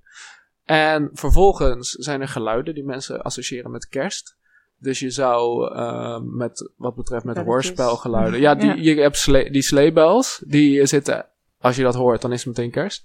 En bijvoorbeeld lopen in de sneeuw. Dat zou je op zich ook kunnen verwerken in je liedje. Kerkklokken, eh koortjes. En dan nog het liefst hele gezinnen. Dus kinderen en mannen en vrouwen. Of alleen kinderkoortjes. Eh, dat is echt heel erg kerstig. En dan had je als laatste puntje, of misschien had hij nog wel meer, maar het laatste wat ik nu me bedenk zijn de juiste woorden gebruiken. Dus als jij zegt Christmas, dan is het meteen een kerstlied. Ja. Dus- En als jij zegt eh, snow, eh sleigh bells, fire, snowman. Dan kan het ook nog winter zijn. Dat is allemaal winter, maar die sleigh bells die passen er Ja, weer bij. ja, ja. En ehm, eh, eh, gifts. Ja. En ehm, Is dat eigenlijk hoe je, hoe je altijd liedjes maakt? Dat je eerst een soort studie gaat doen van... Oké, hoeveel kerstliederen zijn er al? Welke scoren? mm, nee. Nee, nee, nee, niet altijd. Niet altijd. Maar ik, ik, je hebt wel een bepaalde aanpak nodig, denk ja, ik. Ja. Dus eh, ja, Eh, bijvoorbeeld ik, ik ben nou bezig met een liedje wat, dat gaat over een spel. Dat heet Northgard. Dat is een viking eh, strategy game. En daar zijn dus drie manieren hoe je kan winnen. Wisdom, Fame en Conquest. En Conquest is dan dus gewoon iedereen uitroeien. Dan heb je ook gewonnen. Fame, dan moet je heel beroemd worden. En Wisdom, dan moet je de lore gaan verzamelen, zeg maar. Ehm, dan, nou, dan heb ik meteen drie thema's. En dan heb ik meteen drie coupletten. En in de chorus noem ik alle drie thema's. Dan heb ik een structuur. Kader, bam, invullen. Mhm. En eh, ja, zo, dat gaat met dat kerstlied heb ik dat dan op de andere manier gedaan. ja. Dat ik dacht, nou, ik heb de beats per minute, ik heb vier kwarts maat. Ehm, oh ja, en ehm, de akkoorden, zijn, er zitten maar drie akkoorden in. En de verses, dat zijn elke keer twee akkoorden heen en weer. Heel makkelijk. Maar, maar de- dus dan maak je je kans groter dat het, dat het echte kersthits worden, zeg maar?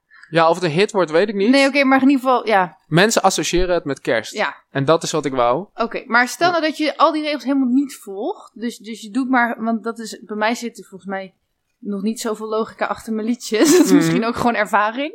Maar ehm, kan het dan alsnog een succes worden? Ja, muziek heeft geen regels. Nee. Ik ben nu een eh, klasje van tien leerlingen aan het eh, lesgeven bij de Q High School. Mhm. Ehm, en die zijn, hebben zich dan ingeschreven om vrijwillig in hun vrije tijd na school bezig te gaan met songwriting. Dan doen we, volgens mij hebben we nog vijf of zes lesjes te gaan. En het eerste wat ik ook zei van eh, alles wat ik jullie leer is advies. Ja. Doe het helemaal. Schrijf op wat je interessant vindt. Ja. Schrijf niet alles op wat ik zeg. Nee. Ja, kan je doen, want dat is ook weer een regel en er bestaan geen regels. Ja. Dus doe gewoon, ja, doe wat je leuk En vindt. het grappige is vaak als je iets hebt gemaakt en je gaat analyseren, blijken er toch eh, Ja. patronen in te zitten. Absoluut. Ja. inderdaad.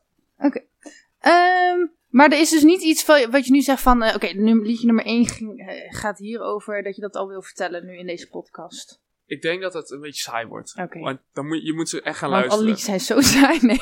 Nee, nee, nee, nee, nee. Maar als je niet weet, ja, je hebt de liedjes niet gehoord. Nee, ik snap het. Wat ik, dan zou ik nu een liedje moeten uitleggen en dan zou je moeten draaien. ja, En dan, ja, dat dan heb had ik, het een radioprogramma dat heb ik op, eh, precies, dat Ja. heb ik op RTV Rijnstreek gedaan. Ja. Dat was heel gezellig. Luister er allemaal naar. Ja. Waar kun je dat vinden nog? Eh, als het goed is gaat hij nog naar me sturen en dan komt het op YouTube te staan. En Oké. Swindon Radio, daar heb ik het ook mee gedaan, die is in het Engels. Ja. En we op dezelfde manier hebben we het over de liedjes gehad.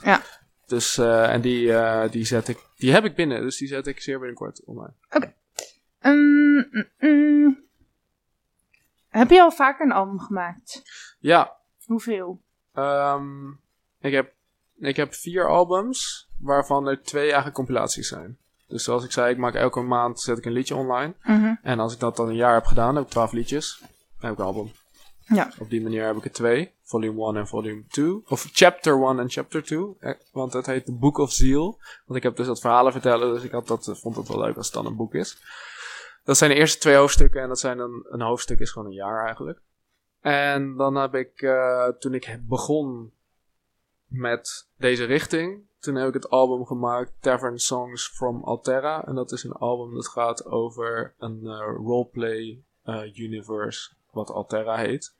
En dat speelt zich af op Minecraft. Zou je niet verwachten, maar het is wel zo. Mhm. En daar hebben mensen dus eh, met die blokjes hele elfensteden en orkensteden en weet ik wat allemaal gebouwd. En eh, dan gaan ze met elkaar daar rondlopen en dan gaan ze op avontuur. Mhm. Komt eigenlijk op neer. En daar komen echt geweldige verhalen uit, uit die avonturen. En daar heb ik dan eh, liedjes over geschreven. En dat was dat eerste album wat ik online heb staan op Spotify.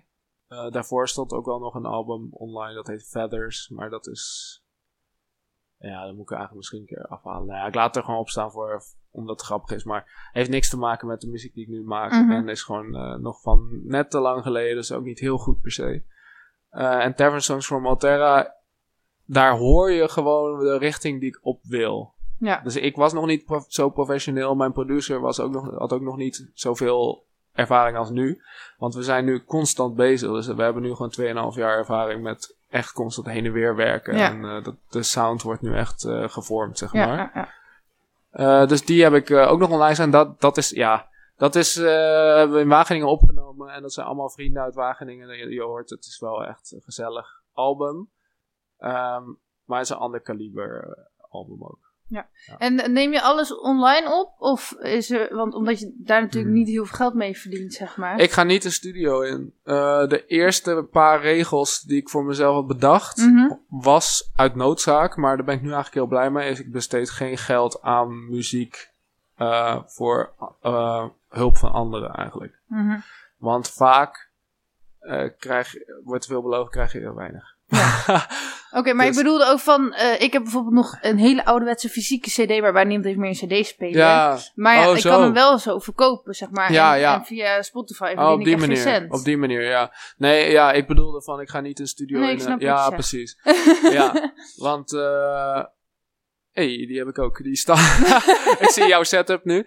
Ja, maar eh, de- dus dat is in mijn home studio en ik neem dat dan online eh, op met eh, mensen die dan ook vanuit hun home studio werken vaak. Ehm, maar ik heb dus cd'tjes laten branden en December Celebration cd, daar heb ik er nog maar twee van. Dat is de laatste. Maar, maar de- die liedjes komen dan niet op Spotify. Jawel. Staan ze er al? Ja. Oké. Ja. En dan alsnog kopen mensen je cd? Ja, bij optredens. Oké. En eh, fans die eh, het leuk vinden om dat te verzamelen. Ja. En fans die vinden dat ik meer zou moeten verdienen met muziek. Want Mhm. ik, ik market het ook echt van, yo, ik probeer te leven van muziek. Dus ik maak dit vooral zodat je kunt, je support kunt betuigen eigenlijk. Ja. Zodat je kunt laten zien van, eh, ik vind het tof, ik, ik vind het leuk dat er een lokale muzikant groter probeert te worden. En ik wil daar onderdeel van uitmaken. Ja. En daarom kopen ze dat. Eh, maar dat is wel heel erg abstract, want inderdaad, sommige mensen hebben dan geen CD-speler, dus Ja. die kopen dat niet. Nee. Of die kopen het dan puur en alleen om dat doel. Ja. Dus ik ben gestopt met eh, CD's. Mhm. En ik ga dat anders aanpakken. Dus ik ga mijn muziek misschien, maar dat weet ik niet. Ik had nog de tip van iemand van zet het op een USB-stick, want die kunnen mensen daarna ook nog herbruiken. Oh ja. Maar zelfs USB-stickjes wordt er niet meer zoveel mee Nee, gedaan, nee, want alles nee. zit in de cloud. Ja. Want ja, ik heb nu dus echt een fysieke CD gemaakt en ik had er 200. En, eh, Zo! Succes! nou, ik heb er al 50 verkocht. Heel goed! Nou, hey, gefeliciteerd. Ja. Top. Maar ja, ik zit dan ook van, ja, moet ik het dan ooit wel op Spotify zetten? Maar het is ook weer flauw voor de mensen die het dan hebben gekocht. Mm, nee, want kopen is echt. eh, kopen is eh, eigenlijk wat je doet met CD's verkopen. Is je bouwt een soort van inner circle op. Mhm. Mensen die je echt, echt supporten, die echt je, of jou geweldig vinden of je muziek geweldig vinden. En ehm, die, eh, als die zich ehm, gepasseerd voelen doordat je het op Spotify zet, dan kan je ook vragen waarom heb je dan een CD gekocht? Ja. Wat maakt jou het uit als andere mensen erbij komen? Nou ja, omdat ze zij er geld voor hebben neergelegd. Maar goed, je krijgt natuurlijk ook een boekje. En, Ja, ik wou net zeggen, en je krijgt ook de CD. Ja. Je krijgt het hoesje waar die in Ja, zit. En, En, als eh, eerste. en als eerste. Ja. Ja, en eh, dat, dat is ook wel wat waard. Dus ik wil ook met, in plaats van CD's, want daar wil ik dan nu mee stoppen. Mhm. dan ga, ik ga nog kijken naar vinyl, maar dat schijnt heel duur te zijn. Mhm. Oh ja, de hond. de hond wordt wakker. Hij was wel heel rustig de hele Ja. tijd. Ehm, maar merch is sowieso belangrijk, dat je een soort van eh, community kan creëren. Dus ik ga nog wel kijken naar een eh, t-shirt of een, eh, of een mok of zo. Iets, iets leuks. Ja. Ja. Dan gaat iedereen uit jouw mok drinken met jouw hoofd. Ja, maar dan heb je. nou ja, niet mijn hoofd. ik moet nog een logo. Oh, Oké. Logo. Maar, ehm, Ik het, zag al echt zo'n mok Oh, ja. met jouw hoofd. maar het, le- het leuke daarvan is wel dat ze het gebruiken. Dat ze weer je naam zien. Eh, of je logo. En dat ze zich onderdeel voelen van je kring. Ja. En de muziek die je schrijft is ook een soort van samen of met hun of voor hun. Het, is, het, is, het maakt het wat persoonlijker. Oké. ehm, mm, mm, mm. Even kijken of ik nog een leuke vraag heb. En anders dan zouden we al af gaan ronden. Maar... Hmm. Mm. De meeste vragen heb ik al gesteld, die ik dus niet eh, gewoon uit mijn hoofd, zeg maar. Oh, top. Dus jouw al- album is eigenlijk wel gewoon waardevol. Daar komen we, eh, dat is het sowieso natuurlijk. Maar eh, ik ben dus wel benieuwd, wat heeft het jou allemaal gekost om dit album te maken? Dat, dat hoeft dus niet per se geld te zijn. Maar, ja. Eh, zeer veel tijd. Mhm. Zeer veel tijd. Ehm, eh, ja, tijd die vooral ging in mensen benaderen. Ik, had, ik heb, nou ja, elke maand zet ik een liedje online en dat doe ik met verschillende mensen. En de mensen die ik het leukst vond, die heb ik gevraagd van... Hey, wil je ook op mijn kerstcd? Mhm. Dus het zijn sowieso leuke mensen. Mhm. Dus dat, wat kost, kost niet per se wat. Maar het- ja, wel je investering in die tijd. Ehm, geld voor drukken sowieso van het album. Ehm, veel tijd in op zoek gaan naar promo- promotie. Plekken waar ik kan eh, optreden. En eh, ja, Ja, ik vraag deze vraag dus omdat ik gewoon, eh, wat ik al zei, dat ik denk dat mensen het heel snel onderschatten wat het allemaal niet voor energie kost ja om als ik muziek de te uren maken. zou op, optellen, dat is heel veel. Er, zijn, er gaan eh, heel veel avondjes ook in. Ja. Eh, ja, je bent je, je vrije tijd ben je echt aan het invullen naar je muziek. Ja. Dus eh, je gaat niet eh, even shoppen of zo, want dan ben je, sta je in de studio. Het heeft me veel daglicht gekost, zou ik Ja. zeggen. Maar ik, eh, doe je bijvoorbeeld aan sport? Roep maar iets. Eh, nee. Nee. nee. Nee, ik deed wel eerst eh, een beetje fitnessen, maar dat Mhm. hield ik niet echt vol. Nee, maar ik bedoel meer van, daar heb je dus eigenlijk ook niet echt tijd voor dan, hè? Nee, nee, het is wel. het- ja, Ja. Je, hebt, eh, je, je kan er één hobby naast doen, denk ik. Ja. Ja. Want ik wil altijd alles in balans hebben, maar dat, dat kan helemaal Nou, niet. ik, zit wel, ik heb wel nou mijn halter naar huis gebracht. eh, want die lag eerst heel lang ergens anders. En op zich, je kan wel in je routine. Mhm. Ik zou een ochtendroutine kunnen doen waarin ik drie kwartier even eh, Ja. wat oefeningen doe. ja, dat is, die balans, die driehoek is heel goed van beweging, literatuur en voeding. Ja, ja, maar ik zit dan ook van mijn huishouden moet perfect en, en mijn administratie moet op orde. Maar ik Ja, ook nog een sociaal belangrijk. wenselijk mens zijn, zeg maar. Ja, ja het is, dat is, het is echt. eh, ik begrijp precies wat je bedoelt. Ja. Want er zijn ook, juist omdat je zo druk hebt, de dingen waar je geen zin in hebt, kom je helemaal niet aan toe Mhm, dan. Ja. Ja. Oké. Ehm, mm, mm, mm, mm. Ik heb wel hele heftige vragen staan. Eh, Oké, wat geeft jouw leven zin? ja, daar wil ik vooral niet over nadenken. Nee? Moet je gewoon doen. Eh, ja, dat is, dat is eh, echt van dag tot dag verschillend, denk ik. Ja. Ja, het, het is mooie momentjes. Ik wil veel magische, fijne momentjes meemaken. Mhm. Daar gaat het om. Voor mij. Oké. Ja. Ehm, denk je dat er leven is na de dood? Nee. Oké. En vind Nee. je dat nog jammer? Of... Eh, ik denk die hele cliché-zin van zolang mensen nog over je praten, leef je nog. Mhm. Dat bestaat sowieso. Eh, maar nee ik, dat, nee, ik denk dat het gewoon klaar is. Juist, ik denk, ik zie die cyclische natuur nog Mhm. steeds als, eh, dat is mijn, een beetje mijn uitgangspunt. Dus als iemand weer eh, terugkeert naar een, een hoopje mineralen, bij wijze van spreken, dan eh, komt dat weer in de cyclus terecht. En het, het feit dat het wel wetenschappelijk aan te tonen is als er ergens aan de ene kant van het bos iets gebeurt, dat de bodem in de andere kant van het bos die, die eh, cellen, die schimmels erop reageren. Dat vind ik wel een heel erg eh, geruststellend idee. Mhm. Als iemand dan echt terugkeert tot de natuur, dat dat één groot netwerk is. En daarom is het ook zo ontzettend frustrerend dat Mhm. daar zo weinig aandacht voor is. En dat er, als je geld hebt, mag je gewoon een fabriek neerzetten die de natuur gewoon helemaal kapot maakt. Ja, dat is wel iets. eh, daar, daar ben ik niet zo blij mee. Duidelijk. Ja. Ehm, bid je wel eens of maak je bewust gebruik van de wet van aantrekking? De wet van aantrekking? Ja, maar dat is eigenlijk wel wat jij ook benoemt. Maar jij zegt het meer vanuit mindset. Hmm. Ehm, maar ik volg ook wel van die wet van aantrekkingskrachtcoaches. En die zeggen van als je het al voelt alsof het al zo is, dan komt het vanzelf naar je toe en zo. Ja, ik, mm, ik vind dat eh, net iets te kort door de bocht. Maar ik snap Mhm. wel dat het zit inderdaad ongeveer hetzelfde idee achter. Mhm. Alleen eh, als je al voelt alsof het zo is, dan eh, moet je nog wel werken.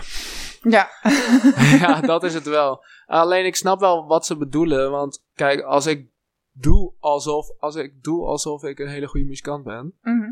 dan ben ik dat in de ogen van anderen ook. Ja. En dan krijg je makkelijker opdra- opdrachten. ja, ik had ook toen ik mezelf zangeres ging noemen, kreeg ik opeens betaalde optredens. Ja, En daarvoor durfde ik dat niet te zeggen, zeg maar. Ja, ja, dat. Ja. Ja. Maar ik denk dat dat meer heeft te maken met eh, overtuigingstechnieken en eh, eh, communicatie dan een wet. Oké. Maar, ja, maar tegelijkertijd vind ik jou best wel... Je bent zo overtuigd dat het je gaat lukken zonder dat, dat je eigenlijk zou kunnen falen of zo. Ja, ik, dat denk je van je vormt je eigen lot. Manifest destiny is dat. Ja, maar dat is dus gewoon de wet van Je- je aantrekking volgens nee, maar je manifesteert dat Ja. het gaat gebeuren door daar die energie in te steken. Ja. En dat is niet dat, dat, dat energie insteken is werken. Mhm. Ja. Dus dat, dat is wat me net, eh, wat ik tekort vind in dat aantrekking. Van dan, gebeurt, dan komt het vanzelf op je Ja, pad. Dat geloof ik Ja, niet. ja. Uh. Gaat hij kotsen? Nee, hij moest even niet zo. Oh, oké. Hij is een beetje verkouden, Hij houdt zo van de natuur, maar niet van honden. Mm, Ja. Als die dood is en weer in de natuur. Nee, maar die, die wet van aantrekking, zoals ik het nu uitleg, was ook, was ook Ja, een beetje te kort door de snel, bocht. eh, ja. Ehm, maar God, daar heb je niks mee, hè? Dus je gaat niet bidden van, oh... eh, Nee, ik geloof dat niet. Dat die, er, er zijn te veel. eh, kijk, er zijn iets van hoeveel 2000 eh, goden op de wereld. mhm. Ik heb ze niet geteld. Maar... Nee, maar het zijn, er echt, het zijn er echt heel veel. En eh, ja, ik heb, en er, gebeur, er gebeurt van alles. En dat, kan je, dat wordt dan verklaard vanuit een eigen idee. En als ik het aan Jantje vraag, binnen bijvoorbeeld het christendom zelf is al heel veel verdeling over Mhm. hoe er naar dingen moet worden gekeken.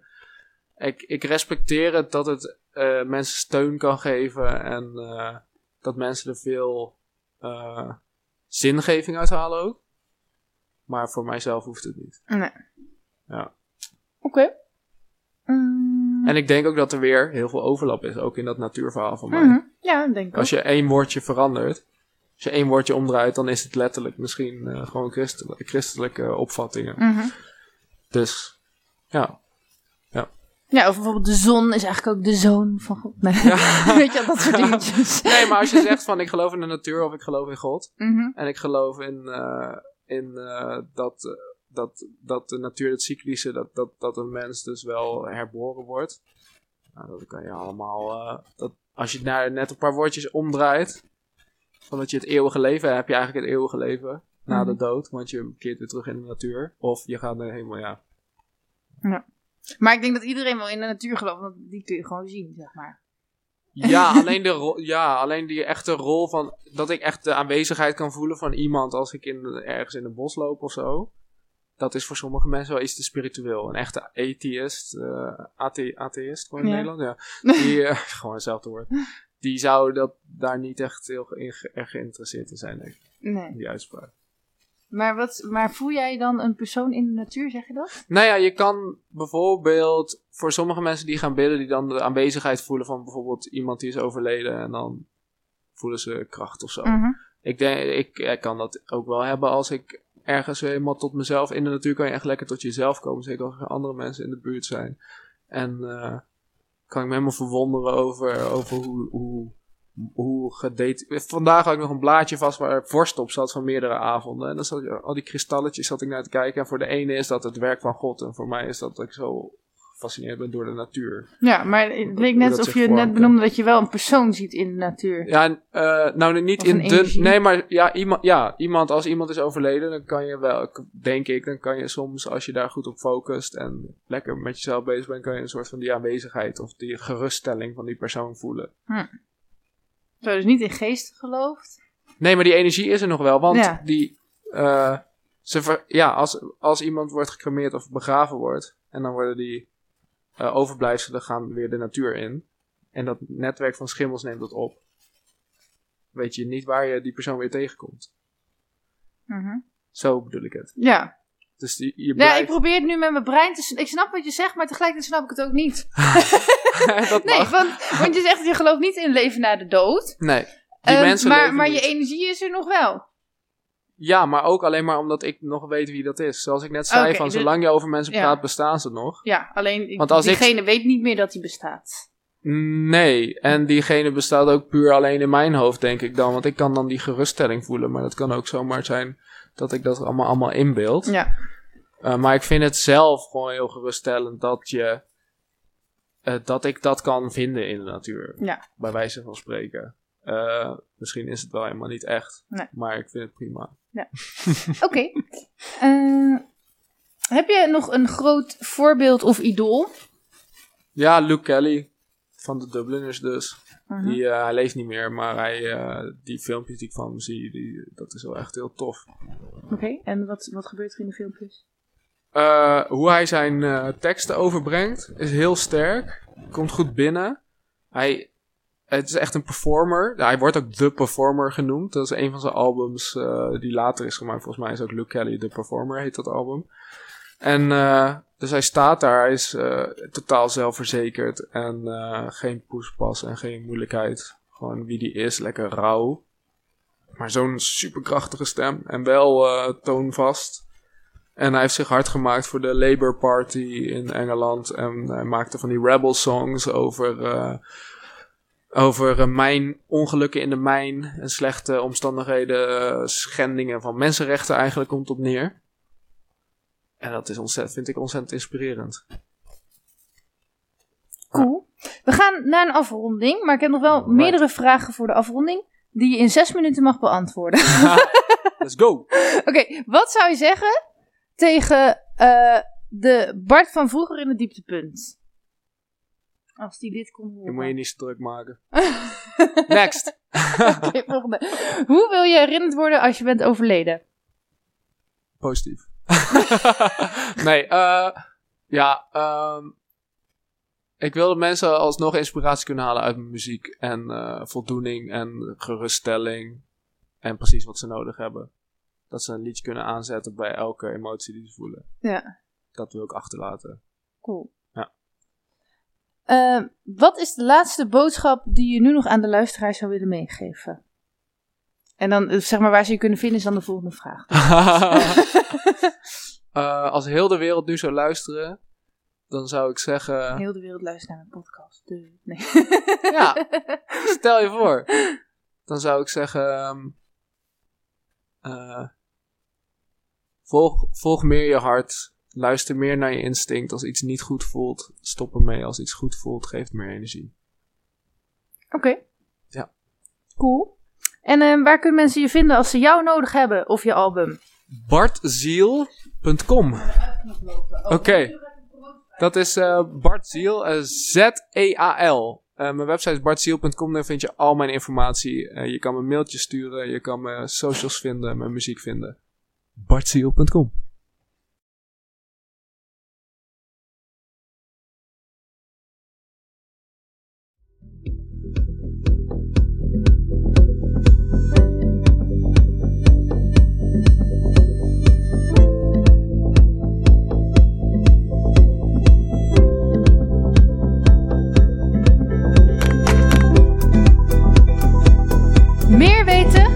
Ga naar walinda.nl of volg mij op Facebook en Instagram. Doei!